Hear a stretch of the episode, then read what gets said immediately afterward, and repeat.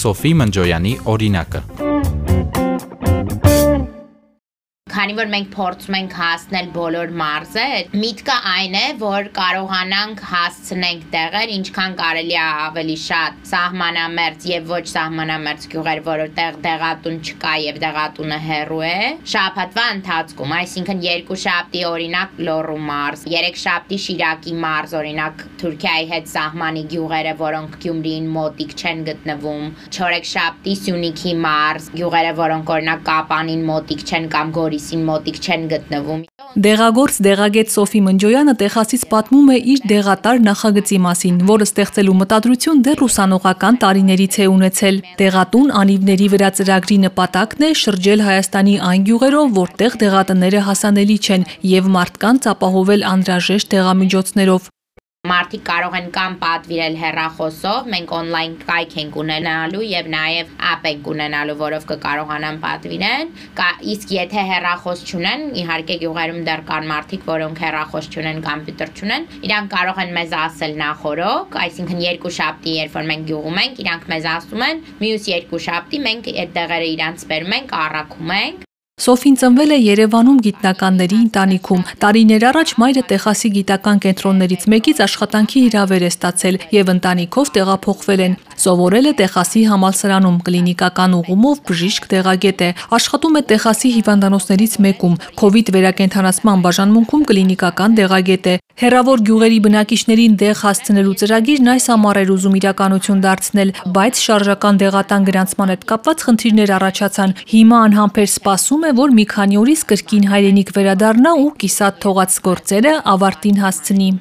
Դեղատարը արդեն գրանցված ՀԿ է, ցավոք սրտի առողջապահության նախարարության հետ էլ խնդիրներ եղան, որովհետև շարժական դեղատունը օրենքով իրանք չեն կարող լիցենզավորեն։ Էկոնոմիկայի նախարարությունից եւ Business Support Office-ից դիմեցինք, որպեսզի փորձենք փոխենք օրենքը, բայց ցավոք սրտի մերժեց առողջապահության նախարարությունը։ Փաստացի հիմա ես պետքա բացեմ դեղատուն, հենց ոչ թե շարժական, այլ դեղատուն դեղատուն բացեմ, որի լիցենզիայի տակ կգործի դեղատարը։ Այսինքն հիմա ես դրանով եմ զբաղված, հող եմ գնում եւ բացում եմ դեղատուն սահմանամերձ գյուղերից մեկում։ Հիմա այդ փուլում ենք, հետո հույսով լինենք, որ մյուս տարի արդեն հենց դեղատարը կսկսի գործել այդ դեղատան լիցենզիայի տակ։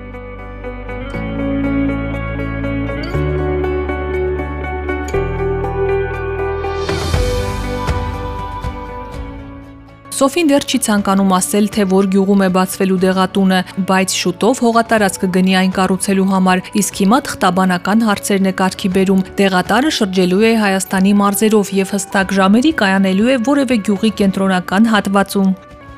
Դա մենակ առաքում չի, մենք ունենք դեղագործ, որը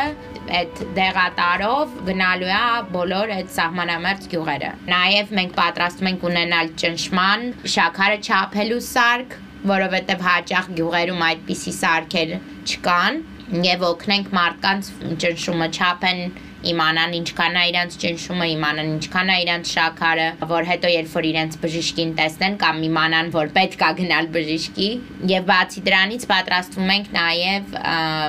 այսպես ասած լեկցիաներ ունենալ կամ հավաքույթներ ունենալ այդ գյուղերում, բացատրելով բազային այսպես ասած հիվանդությունները, այսինքն վիրուսային հիվանդությունները, որ հակաբիոտիկներ վիրուսային հիվանդությունների համար պետք չի օգտագործել, ինչպես բուժել շաքարային դիաբետը, ինչ տեղեր խմել, ինչ տեղեր չխմել, ինչ ուտել, ինչ չուտել։